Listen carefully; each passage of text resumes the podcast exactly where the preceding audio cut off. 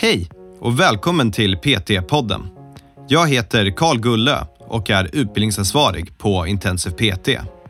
Vi har utbildat personliga tränare sedan 2012 och vill hjälpa så många människor som möjligt till en aktiv och hälsosam livsstil. I varje avsnitt kommer vi att prata med olika människor om träning, hälsa och entreprenörskap. Varje samtal har ett unikt ämne och vårt mål är att inspirera dig till att vilja förstå mer om hur det är att arbeta som personlig tränare eller att hjälpa dig framåt i din karriär som PT. Så gick jag bort och så hör jag liksom Andreas, jag ser hur han står och håller på med det här bältet och ser ganska oskyldig ut. Uh, och helt plötsligt så hör man i lokalen bara PANG! Välkomna tillbaka till PT-podden. Idag ska vi svara på några frågor som jag faktiskt får väldigt ofta. Det är, ska vi använda lyftarbälte, lyftarskor, straps, magnesium, handskar och så lite mer efter det.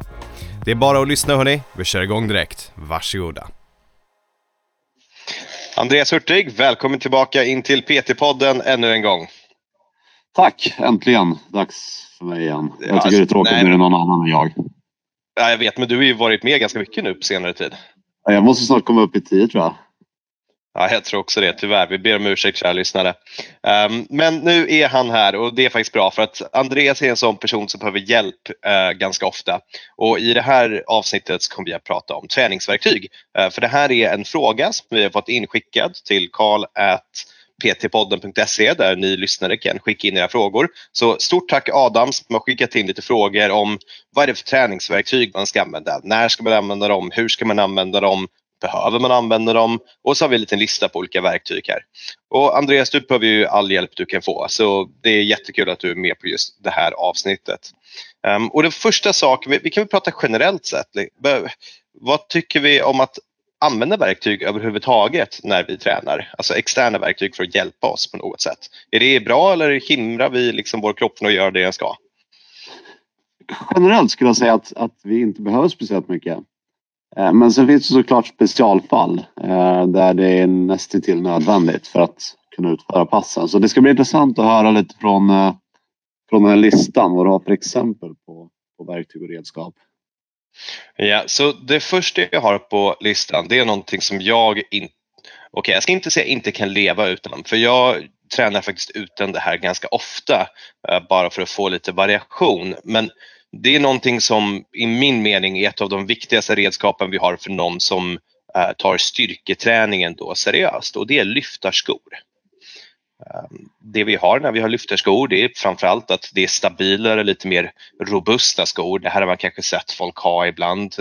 De vita Adidas var väl några klassiker som fanns för ett tag sedan.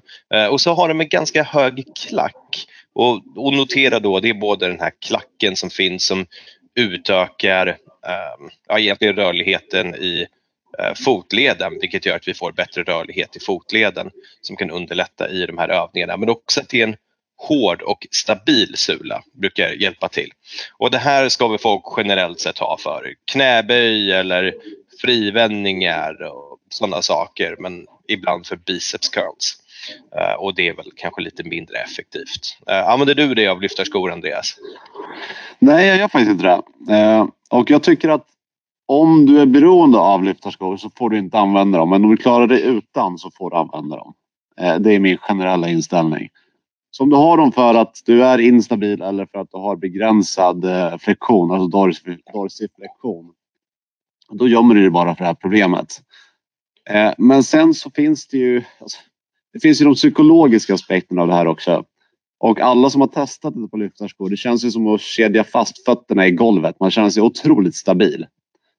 Ja, det är det bästa eh, som finns. Ja, och det gör ju också att man känner sig mer stabil, att man vågar ta i lite mer i sin knäböj eller sitt olympiska lyft. Och det i sin tur gör säkert att man kan ta mer vikt. Eh, så vid maxlyft, för de som är riktigt seriösa med sina olympiska lyft eller, eller eh, styrkelyft, absolut igen, om du är i behov av det. Om du kan inte komma ner i eh, ass to grass utan. Idiotiskt att inte träna bort det här. Eh, annars tycker jag att ja, det är ett kul, ett kul redskap. Jag har ett par lyftarskor eh, som jag använder lite för sällan för att jag fuskar med min Oli. Eh, men ja, den, den fyller ju en funktion. De, eh, de har ett syfte som de faktiskt eh, upplever. Ja, jag kommer att spela lite djävulens advokat här. För det du har då, det, den stora orsaken till varför jag skulle vilja lyfta fram lyftarskor för någonting annat, det är att vad är alternativet? Och alternativet i det här fallet, det skulle vara kanske att träna med vanliga skor, alltså typ löparskor. Det är folk, de flesta klienterna brukar ha. Och det tycker jag definitivt inte man ska göra. För löparskorna, de är den där tjocka mjuka sulan som rör sig jättemycket. Och det vill vi generellt sett inte ha när vi utför till exempel då knäböj. Ja, egentligen är det typ knäböj eller tyngdlyftning. Det är, annars så behöver man inte de här skorna överhuvudtaget. Ehm, det finns, jag kan inte komma på något fall faktiskt. Ehm, men i just de fallen då vill vi inte ha de här klassiska löparskorna med en tjock sula. Det blir inte bekvämt och vi kommer inte vara stabila.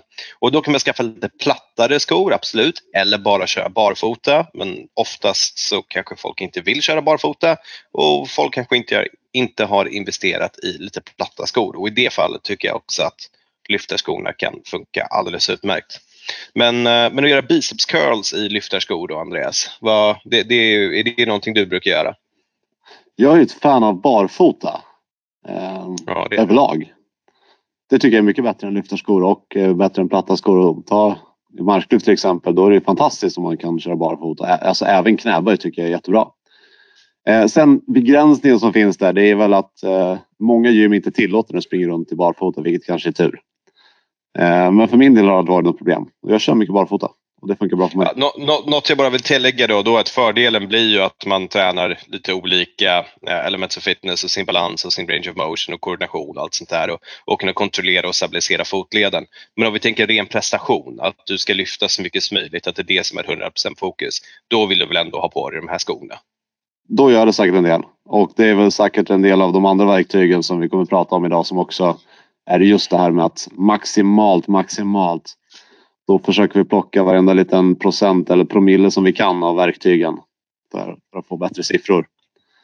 Så återigen så går det tillbaka då till vad är fokus för klienten, vad är deras övningsmål och eller vad är deras träningsmål och sen applicera övningarna och redskapen ut efter det. Men jag, jag personligen tycker lyftarskor är ganska bra. Jag, jag har lite kul. Vi, vi har ett gym här borta hos oss och då um, var det första gången vi skulle träna där så jag hade med mig lyftarskorna för jag var redo på att köra lite frivändningar och sånt. Um, till min stora uh, besvikelse så var det här ett riktigt skräpgym. Uh, eh, det hade inga öppna ytor, det var bara maskiner, vilket inte är skräp, men det var skräpmaskiner. Det var riktigt gammalt och det var riktigt tråkigt och riktigt obehagligt Så väldigt trångt. Det var liksom inte bra. Ehm, så då blev jag sur och sa ja, men fan okej, okay, då kör jag en halvtimme på crosstraining istället. Och jag hade redan tagit på mig lyftarskorna. Så jag fortsatte med dem. Och jag kunde inte röra mina fötter efteråt. En halvtimme på crosstrainer i lyftarskor och mina hälsenor gjorde så jävla ont. Jag kunde knappt gå dagen efter. Så använd dem enbart för det de ska användas för. Annars så är det inte särskilt bekvämt överhuvudtaget faktiskt. Och hoppa inte boxjumps och hopprep i den för att eh, det har vi sett lite grann på Crossfit gym att eh, då kan hälsenor sticka. Ja, precis. De är ju hårda av en orsak, så använd dem för det de är till för. Använd dem inte för allting bara för att du tycker de är coola. Tar du knäböj eller tyngdlyftning seriöst, då är de asbra att ha. Och sen undvik att ha dem i marklyft. Va? Eh, det ser folk ha ganska ofta. Varför ska man inte ha dem i marklyft? Vi vill ju vara så nära marken som möjligt. Alltså varje centimeter eller millimeter närmare är ju mindre lyftväg. Och då är det jättedumt att ha en klack som är upphöjd. Ja, så det vill vi absolut inte. Men det är som du säger, det är knäböj, och sen eh, olympiska lyft som man har dem till. Mm. Mm. Bänkpress kanske och, om man tycker att det är skönt, men that's it. Ja, absolut. All right, då går vi vidare till nästa sak. Då har vi såna här lifting straps. Uh, vill du förklara lite vad det är, Andreas? Eh, det har jag faktiskt aldrig varit något fan av. Jag har aldrig personligen använt någon variant av dem. Eh, men det är egentligen att du har... Eh, ofta är de då i någon typ av läder och sen så lindar du dem runt handleden och runt stången och så hjälper de dig med greppet. Och då har man framförallt i marklyft olika typer av pull-ups eller latsdrag som man brukar använda de här i för att där så kanske man kan tänka sig att eh, eh adduktionen, alltså latsen, är starkare än vad greppet är. Och då tar de muskler, de mindre musklerna slut innan de stora musklerna faktiskt eh, matas ut. Så det är tanken bakom dem. Eh, använder du straps? Um, aldrig för vanliga marklyft. Um, jag menar, jag förstår konceptet av att om greppstyrkan tar slut så kanske du behöver uh, eller så kan det vara skönt att lägga till ett hjälpmedel för att det vi gör ju då är att ditt grepp blir järnstarkt. Liksom. Det, du behöver knappt hålla i stången längre, så känns det nästan som. Um, men jag har inte använt det så mycket i marklyft och det är enbart också därför att jag vill ha greppet för att kunna förflytta den här stången. Men det jag har använt det i väldigt mycket, det var i tyngdlyftningen när vi gjorde eh, snatch puls och clean puls och sånt. Och det är ju då en övning där man står i en marklyftsposition och så ska man explodera upp stången eh, så att man genererar kraft och skjuter upp den som om man skulle dyka ner under stången och det gör man inte sen. Eh, och orsaken till varför det är väldigt bra där tycker jag, det är för att de vikterna, när du håller dem framförallt i ett snatchgrepp, så väldigt brett grepp, det är oerhört svårt om du ska göra 5-6 repetitioner på kanske 110-120 procent av ditt 1RM i snatchen, så du har alltså tyngre vikt än vad du har i det, så är det extremt svårt att hålla i och belasta handlederna i de här positionerna. Och då tycker jag det kan vara riktigt nice att ha det för att återigen vara i fokuset med övningen. Det är inte för att bygga greppstyrka utan för att bygga explosivitet via höften så då är det skitsamma hur starka våra handleder är. Så i det fallet tycker jag att det är riktigt nice. Uh, I marklyftet har jag lite svårare för det. Jag vet egentligen inte varför för jag kan motivera på exakt samma sätt. Um, men pull-ups... Jag tycker ändå att där tycker jag att eh, man ska resonera lite annorlunda. Jag tycker att eh, om ditt grepp är så svagt att du begränsar i marklyften, då är det din liksom, flaskhals. Då är det där du behöver träna mest, förmodligen greppstyrka. Och visst, förmodligen om du slutar köra med remmar så kommer eh, resten av träningen bli lidande under ett tag innan underarmarna har kommit ikapp. När de är ikapp så är du helt plötsligt stark i greppet också. Eh, och, och för mig, jag kommer ihåg att eh, när, jag började träna Athletic Fitness, då var ju pull-ups, var ju pull-ups flera gånger i veckan. Och då körde de flesta med eh, remmar, men jag valde att inte göra det. Eh, och det gjorde att mitt grepp, det är, det är stål. Det spelar ingen roll hur tunga marklyft det är eller hur länge jag behöver hålla i stången. Greppet håller. Och för mig är det inga problem att klämma de här Capsules och Crush. Nummer två kan jag klämma ganska många gånger. Och Rolling Thunder, om någon vet vad det är för någonting, så en bra bit över 100 kilo där också. Och det här är ändå bra siffror för, för någon som inte är strongman. Eh, ja, och, och det är sen... inte specifikt ett trendgrepp utan jag har bara undvikit att, att inte undvika greppet. Det översätter ju ganska bra till mycket annat om du har ett starkt grepp. Så man kan säga så här, har du specifika mål, vet du vad, jag kommer säga det en sista gång så att vi slipper upprepa det under hela avsnittet. Uh, har du specifikt mål att det ska bli så bra som möjligt på enbart marklyft, ja, men då kanske du kommer vilja använda det då och då för att det ska hjälpa dig. Men har du någon träning där du översätter det till andra saker, Eh, då kan det vara jättebra att bortse från de här grejerna för att då när du gör dina marklyft och svårt för ditt grepp, det kommer sen hjälpa dig i dina pull-ups eller i dina toastbar eller jag vet inte, säg dina biceps curls då om dina underarmar blir trötta för att få med all typ av träning.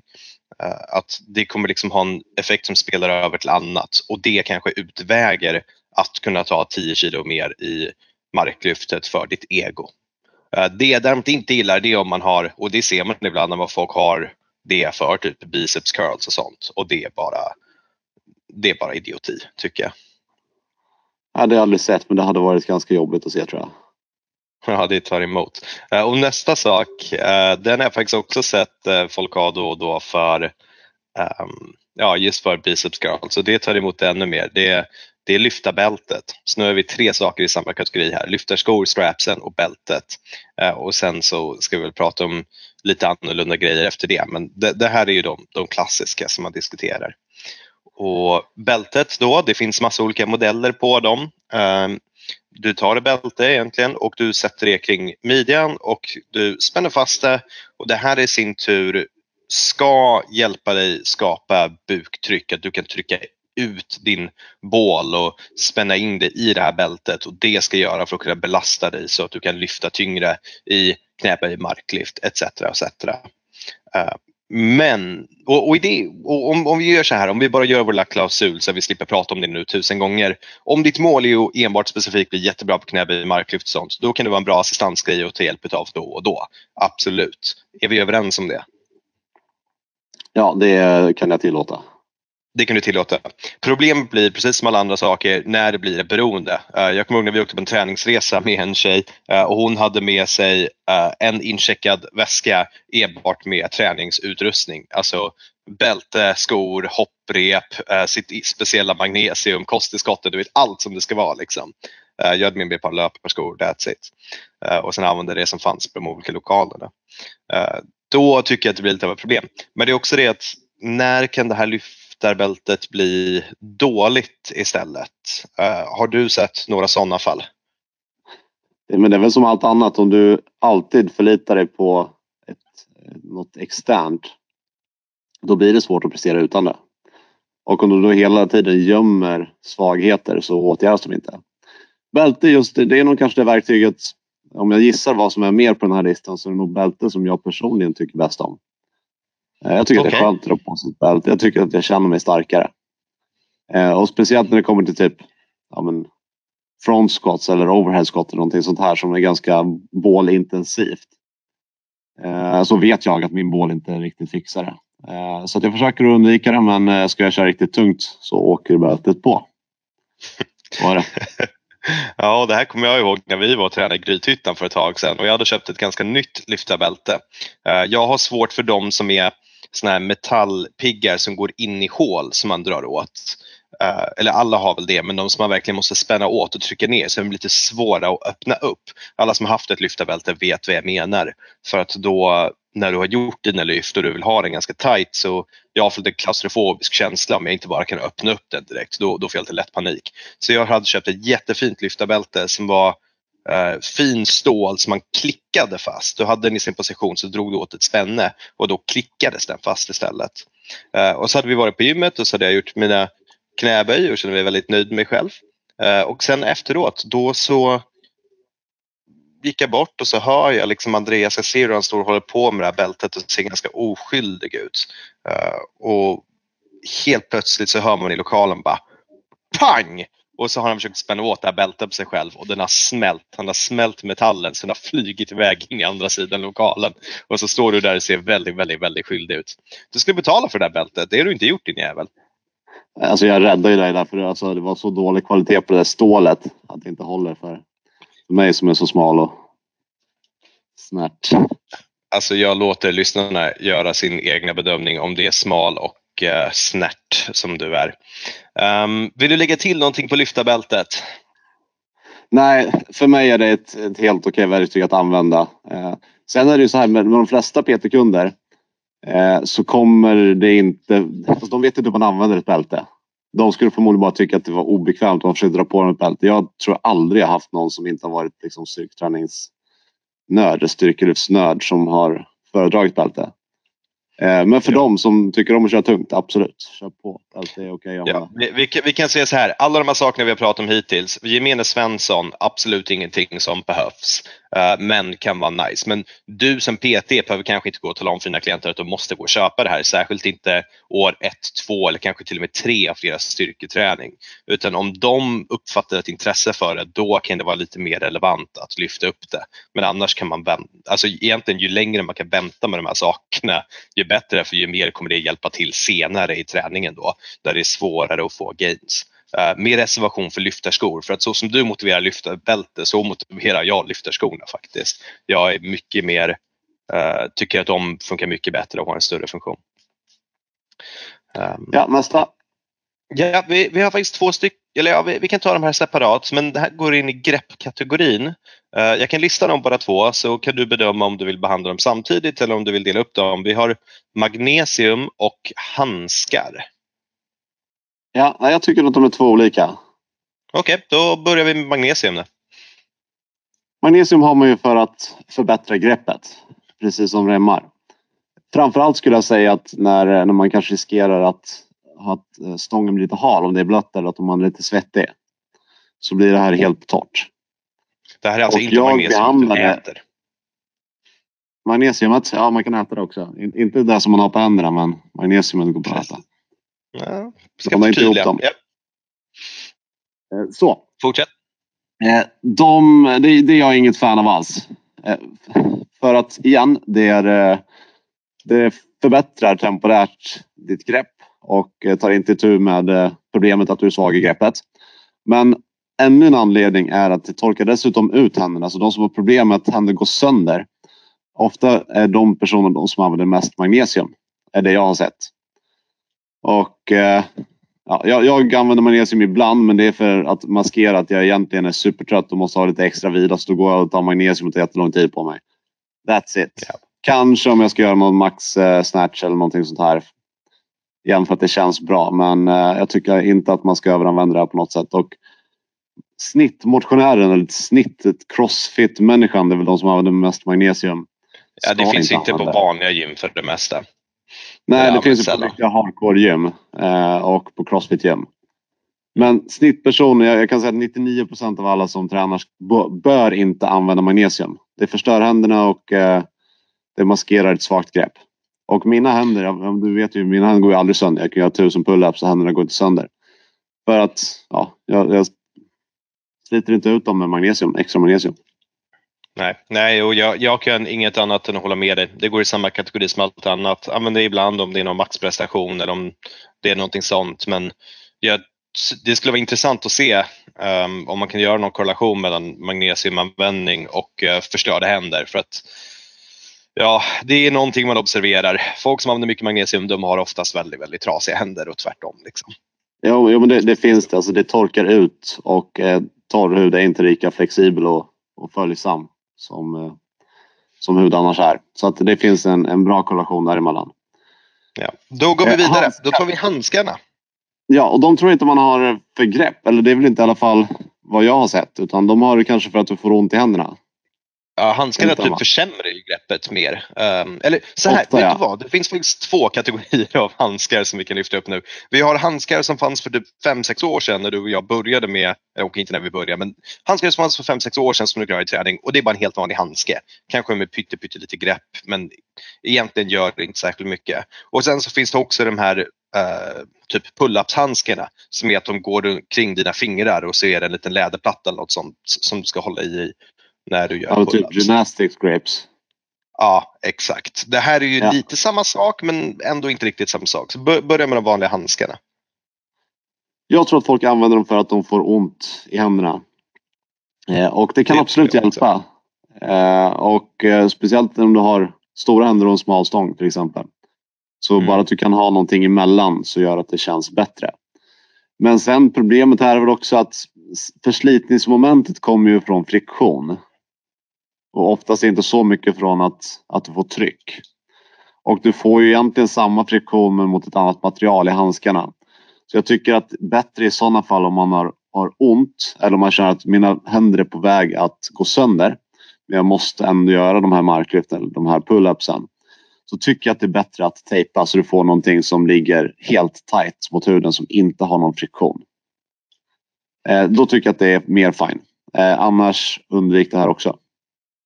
Ja, de gångerna jag ser folk, ja, de gångerna jag ser att folk använder handskar i alla fall, min erfarenhet är ofta att man inte vill slita upp händerna eller någonting sånt. Eh, För man kanske bryr sig mer om hur sina händer ser ut än prestationen som kommer med när man gör de här olika övningarna och så vidare.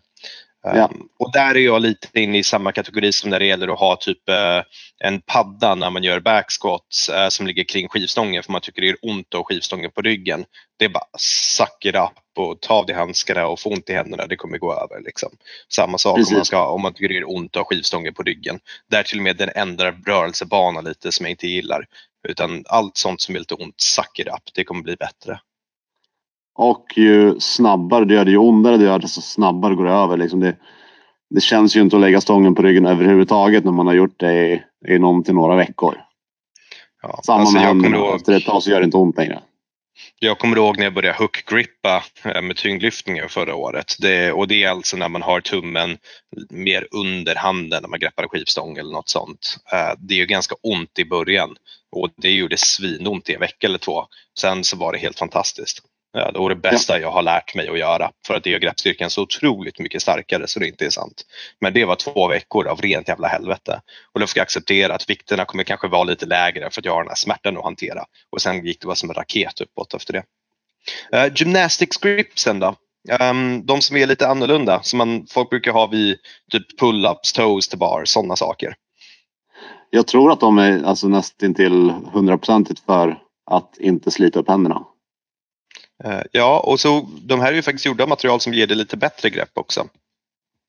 Men de är oftast godkända att använda i, i de flesta tävlingar som innefattar pull-ups. Ja. Så men då är det så här, det... mycket grepp i dem. Ja, men det är ändå lite. Om du har använt dem så kommer du känna det. Och det finns ju olika. Men om vi nu tar sådana som är godkända. Det, det är ändå lite grepp. Det gör ändå lite skillnad. Det är ungefär som att om du har gjort pull-ups någon gång och man eh, tejpar pull-up-räcket. Eh, det är ungefär samma känsla. Att man upplever att man får lite bättre grepp då. Um, och det här är svårt för att det, jag, jag, i början när det kom ut så tyckte jag att det var extremt mesigt. Men och jag gör inte så mycket pull-ups nu och inne i den träningen längre men om jag börjar med det igen så hade jag nog använt dem för att det är rätt skönt att kunna spara händerna, den förslitningen. Alltså. Ja, om, om alternativet är att slita upp händerna och inte kunna träna då ska man ju definitivt använda de här. Eh, så ja. enkelt är det. Ja, ja jag, jag lite, lite mesigt tycker jag, men godkänt mesigt för att det är ändå relativt vettigt och använda sig av gymnastic gripsen. Um, jag, jag, tror du och jag kanske är lite för hardcore om man tänker att man inte ska använda det och är lite så här hardcore i form av att slå sitt huvud i en vägg om och om igen för att det var så vi alltid gjorde och det såg alltid coolt ut. Um, tror jag. Uh, någonting du vill tillägga? På listan? Var det här allt? Nej, du, vi har faktiskt, vi går in lite i rehabiliteringsprocessen nu uh, och vi har två stycken som dök upp på frågelistan här. Vi har foam roller och eh, massagepistol. Och även för foam roller ska man lägga in lite mer vibrerande foam rollers och sånt som har kommit nu. Så om vi börjar med foam rollern, vad har du för tankar och åsikter där? Det här blev en lite en annan kategori för det här är ju inte ett verktyg som du använder under själva träningspasset. Det här är ju någonting... Eh, ja men det är ju ändå ett träningsverktyg som folk har hemma. Ja. Eh, jag har väl egentligen bara jag har använt det lite grann. Jag är inget, uh, inget fan av det egentligen med foam rolls. Men det finns ju studier som visar att foam rolling, uh, eller self-myofascial release, ger en ökad range of motion. Så när du trycker och knådar och, och rullar på saker så mjukas det upp. Och det här kan ju då vara, vara ganska nödvändigt. Om vi tittar på till exempel en person som inte kommer ner i squat och vi ska göra någon typ av förberedelse för att komma djupare i squatten så är det många som är skeptiska till stretching även om, om prestationsnedsättningen är, är kollad på ett väldigt specifikt sätt på statisk stretching. Så kanske man ändå vill undvika det och då kan ju foam rolling som jag personligen inte har hittat någonting som skulle kunna tänkas vara prestationsnedsättande i samband med prestation. Eh, så det skulle där kunna vara ett, ett rätt bra alternativ antar jag. Ja, jag, jag, håller med dig och jag tycker det är ganska skönt också. Uh, jag menar, det, det går en liten kategorin, tycker man att det är skönt så ska man väl göra det. Varför ska man inte göra det? Om placeboeffekten, om jag känner att ah, jag har varit stel hela dagen så tar jag en foam roller och ligger och öppnar upp bröstryggen på den och rullar mina lår som känns stela och allt är jobbigt. Så upplever jag att jag känner mig bättre efter det och det sen i sin tur ger mig motivation att träna. Kör för allt i världen. Inga konstigheter Absolut. där. Absolut. Nej, jag, jag, jag har inget emot det. Massagepistol? Ja, typ Terragun ja, ja. som är olika som har kommit. Så otroligt många. Jag satt faktiskt och försökte kolla igenom lite studier innan för jag hade lite mer tid att förbereda mig för det här än vad du hade. Uh, och det ja. finns inte någonting. Det finns väldigt lite på just massagepistolen. Det finns typ två studier som är omnämnda och den ena är med eh, 45 tjejer som testade att använda massagepistol och hade um, ja, de upplevde att de hade mindre DOMS och mådde bättre och hade bättre rörlighet och allt sånt som man kan tänka sig. Och den andra studien som var innan dess, det var 12 herrar och där hittade man inga signifikanta effekter. Uh, det är lite för tidigt tror jag att evidensbaserat utge ett svar för just den. Men då kan man tänka rent logiskt, vad gör det själva grejen av att vi har de här uh, stötarna som sker mot kroppen hela tiden? Och om någon har testat det, det är typ som att få automatisk massage det är också jävligt skönt. Och man upplever nog lite förbättrad range of motion. Uh, problemet jag har med dem det är att de är så jävla dyra oftast. Ja, nej, jag har jag har testat några gånger. Jag, jag kan göra det för att jag tycker att det är ganska skönt. Eh, men det är som du säger med studier, alltså det här är ett ganska nytt påfund.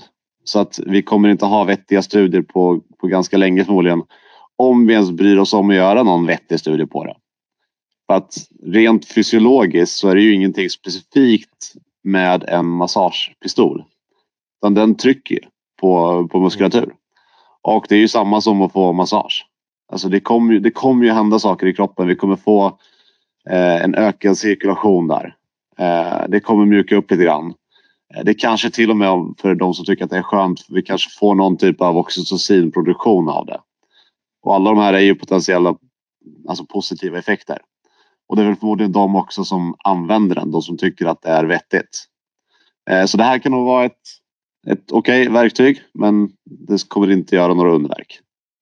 Eh, jag köpte ju in en till vår anläggning precis när de kom ut eh, för ja, flera, flera år sedan nu eh, och började använda det på klienter och sånt. Och det jag kan säga där det var att alla uppskattade det väldigt, väldigt mycket. De tyckte det var helt fantastiskt skönt. Och så var det liksom efter passet, till mot slutet passet, de bara, men du ska vi, ska vi använda det där igen? Ska vi använda den igen? Så de ville nästan komma tillbaka för att de tyckte den här massagepistolen var så jävla skön, skön att använda. Det enda problemet vi hade var att vi hade en väldigt tidig generation så att i gymanläggningen så lät det som att någon stod och borrade i en vägg. Nu ska de vara lite tystare, vilket är bra. Um, men om man köper den, köp en som kanske inte låter allt för jäkla mycket. Uh, och sen var inte ett retard. Stå inte och slå den på, över hjärtat i fem minuter. Liksom. Det, uh, eller på konstiga ställen som kan göra ont. Det är bara använda lite sunt förnuft. Kör du på muskulatur så kommer det vara fine. Ja. Ehm, då ska vi se, det här var alltså hela listan som vi har gått igenom nu. Vi har haft lyfterskor, lifting straps, lyftarbälte, foam roller, massagepistol, magnesium och handskar. Och summeringen av det här är väl att det mesta har ett användningsområde och förmodligen så är det om du um, om du inte behöver det, då kan du använda dig utav det. Eller? Jag, jag håller nog med där. Om, eh, det kan hjälpa om du vet varför du använder det och inte använder det för att du gömmer dig för svagheter. Mm. Och du som PT som kanske inte känner dig helt bekväm med de här verktygen behöver absolut inte känna jag ser andra människor använda det, då borde jag också använda det. Det, det är inte så de här sakerna funkar.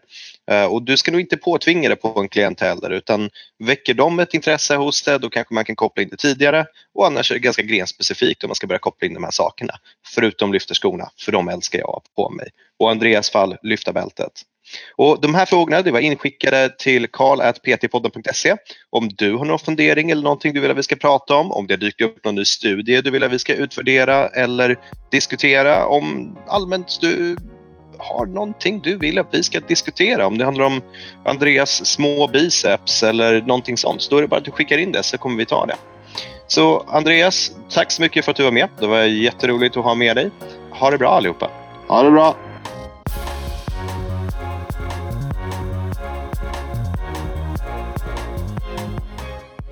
PT-podden är producerad av Intensiv PT. Om du vill veta mer om våra utbildningar och gå med i nätverket av framtidens personliga tränare, gå in på www.intensivpt.se. Vi har kursstarter varje månad och du kan studera helt i ditt egna tempo.